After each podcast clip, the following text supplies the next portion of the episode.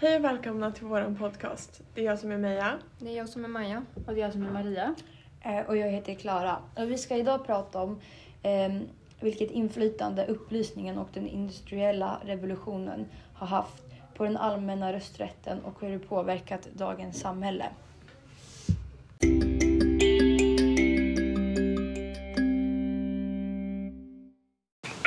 Företaget från början startade vi på 1700-talet. Där vidgades diskussionen kring empirismen och många menar också att samhället och dess intuitioner kunde lära saker av erfarenhet. Denna tid ifrågasättande av gamla sanningar och nya idéer kallas för upplysning. Och även fast eh, upplysningens officiella tidsperiod är under 1700-talet började ändå de här idéerna cirkulera i samhället några hundra år tidigare under reformationen. Ja, exakt. För em, reformationen innebar ju att eh, kyrkan förlorade, förlorade makt och eh, istället så började människorna då le, eh, vet det, se liksom förklaringarna i vetenskapen istället för i Bibeln. Och detta gav ju eh, upplysningsfilosoferna eh, mycket makt. Och eh, Ja, det var helt enkelt ett maktskifte i samhället. ja, Folk började tänka mer med sitt eh, förnuft än sin tro. Under upplysningen fanns det som Klara sa en massa olika upplysningsfilosofer som filosoferade och såg på världen och samhället på olika sätt. Och eh, många kom fram till att människan hade rätt till liv och frihet och egendom och sånt eftersom att det ligger i människans natur.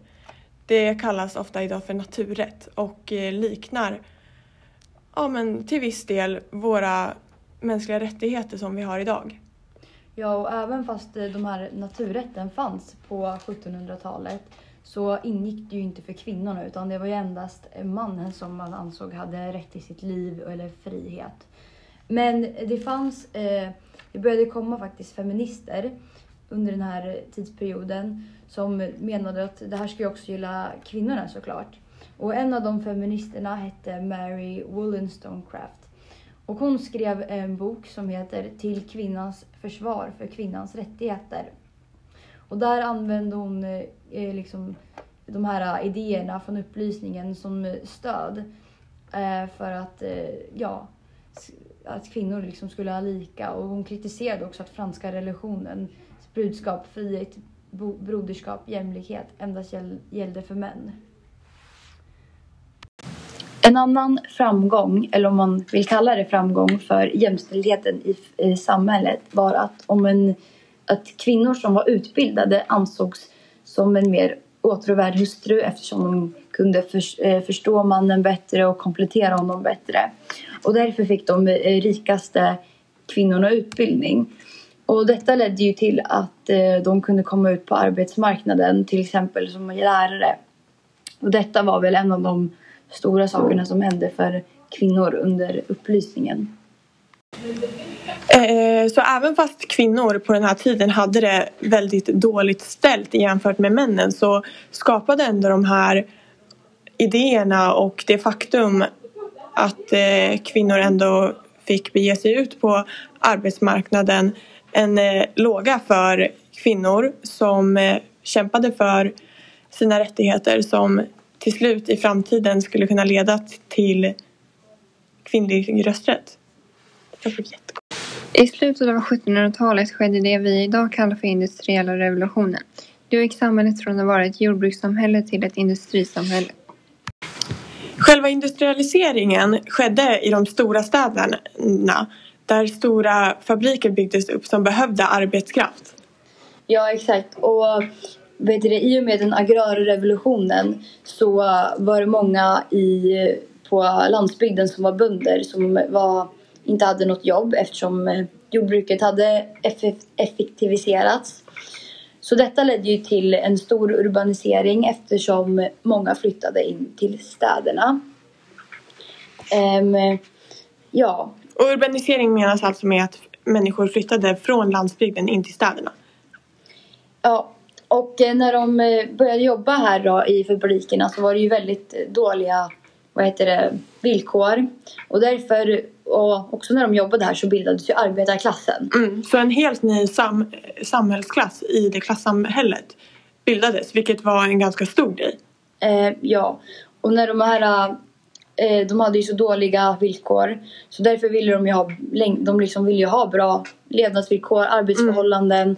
Det var väldigt vanligt med barnarbete och mm. farliga arbetsmiljöer och vad heter det, arbetsdödsolyckor och sånt. Det var väldigt vanligt under den här tiden. Ja, så man skapade ju fackförbund. Eh, och eh, genom de här så växte ju en ny ideologi fram som är socialismen. Mm. Och ur socialismen så föddes ju Socialdemokraterna som än idag är Sveriges största parti och har majoriteten mandat samt regering idag. Ja, och detta är väl egentligen eh, en av de eh, största påverkarna som eh, industrialismen har haft på dagens politik.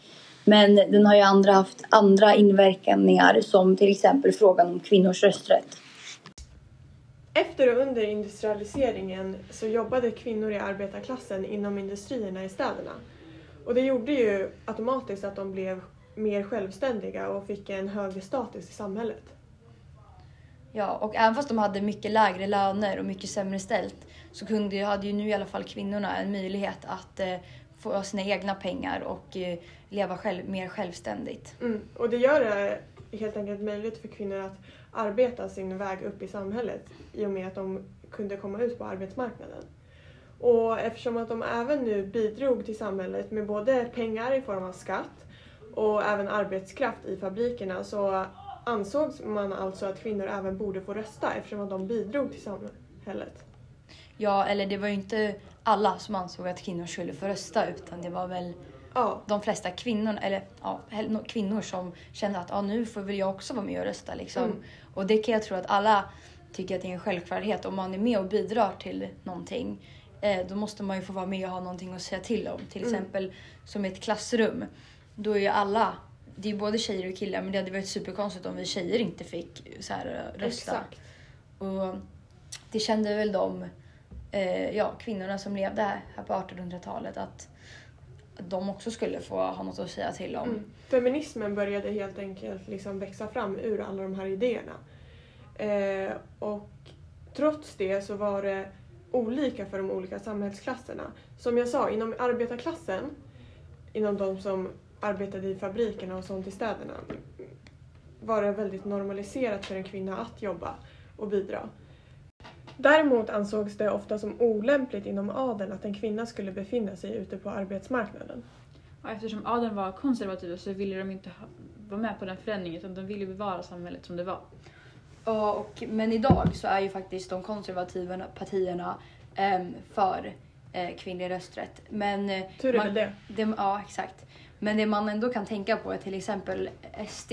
De kan ju ha lite så här, ja men de vill ju till exempel ha abort, lägre abortgräns eh, på kvinnorna och om man kopplar det då till dagens politik så kanske de fortfarande eh, konservativa partierna vill ha lite mera så här, försträngningar åt eh, kvinnor, även fast det är väldigt subtila saker så är ju vänstern och socialism, liksom de socialistiska partierna mera liksom framåt för kvinnor. Mm, verkligen.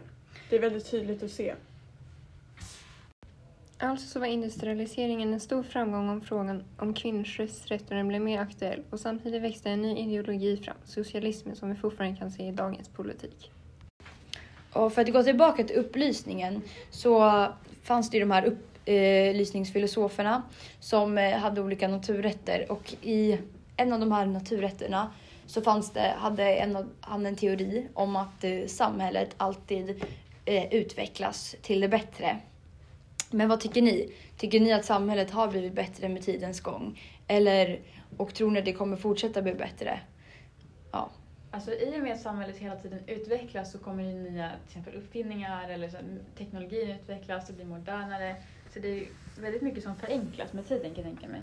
Men samtidigt så finns det ju saker som går sämre och sämre också. Till exempel med, i och med alla de här nya eh, tekniska uppfinningarna så kommer ju även social media.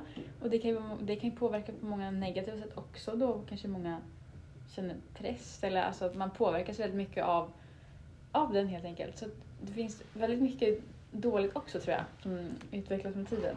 Ja, jag håller med. Alltså, jag, jag tror att man kan se det ur olika synvinklar till exempel. Om vi kollar på saker som har blivit bättre. Människors liv har ju effektiviserat eh, ganska rejält med nya uppfinningar och sånt som Maria nämner. Men eh, med det har det ju även gjort så att till exempel miljön har förstörts i och med nya uppfinningar och eh, manicker och grejer som släpper ut en massa dåliga saker för naturen. Ja, men man kan ju också tänka att det är fler personer som lever i, eller det är färre personer som lever i fattigdom, det är fler Mm, personer som har mat för dagen. Och på det sättet har ju samhället blivit bättre. Det har Mm. blivit, folk får bättre rättigheter, Mm. folk får eh, så här, ja, folk får göra abort, folk får eh, vara tillsammans med vem de vill, Mm. alltså det är accepterat att vara homosexuell. Men sådana där saker, såklart det utvecklas och Ja, alltid blir bättre. Alltså så här, humana rättigheter all, allmänt liksom har ju blivit mycket bättre. Mm. Folk har ju väldigt mycket mer lika rättigheter nu oavsett om det handlar om etnicitet eller hudfärg eller kön än vad de hade för till exempel hundra år sedan. Ja, och man kan ju också här, för att jag tror också att det inte hela tiden går en rak linje uppåt. Nej. Till exempel, eh, det finns ju vissa länder som idag eh, har haft aborträtt eller har haft samkönade äktenskap Mm. men sen förbjuder det igen. Mm. Och jag, till exempel i Sverige, det här är ju också en ganska extrem eh, sak att ta upp, men eh, nazismen i Sverige går ju Mm. upp och ner hela tiden. Ja. Alltså ibland är den min, mer och ibland är den mindre. Mm. Och det tror jag också hur samhället utvecklas. Att det inte går på en liksom rak linje till bättre. Men jag tror ändå att alltid går lite bättre för samhället Ja, man kan överlag. ju tänka det om man tänker det som en graf. Alltså att det, det är lite hackigt men det går ju upp till slut. I slutändan så kan man ju se en förbättring. Ja, exakt. Det är det jag tycker. Men sen kan man också som ni säger att det kan utvecklas till sämre saker. Jag tror att folks mentala hälsa och kropps, kroppshets till exempel har Mm. blivit mycket sämre jämfört med förut för då fanns det inget riktigt att jämföra sig med. Nej. Men jag tror ändå främst dels att det går uppåt och blir bättre. För om man jämför samhället vi lever i idag och samhället på 1700-talet så är det ju väldigt mycket som har förbättrats och blivit bättre med tiden. Liksom. Ja, ja, man hade ju inga rättigheter. Viss, alltså, Nej. hade ju inga rättigheter. Kolla bara på oss liksom. Fy, fyra stycken tjejer. Vi skulle ju inte fått sagt ett skit. Nej, exakt. Ja. Så vi håller alltså med om att vi tycker att för det mesta så eh, utvecklas samhället hela tiden till det bättre med undantag för bland annat klimatförändringar. Men eh, till det stora hela så tycker vi att upplysningens idéer om att eh, samhället alltid går till det bättre är en, stämmer. Det var allt för våran podcast. Tack för att ni lyssnade. Hej då!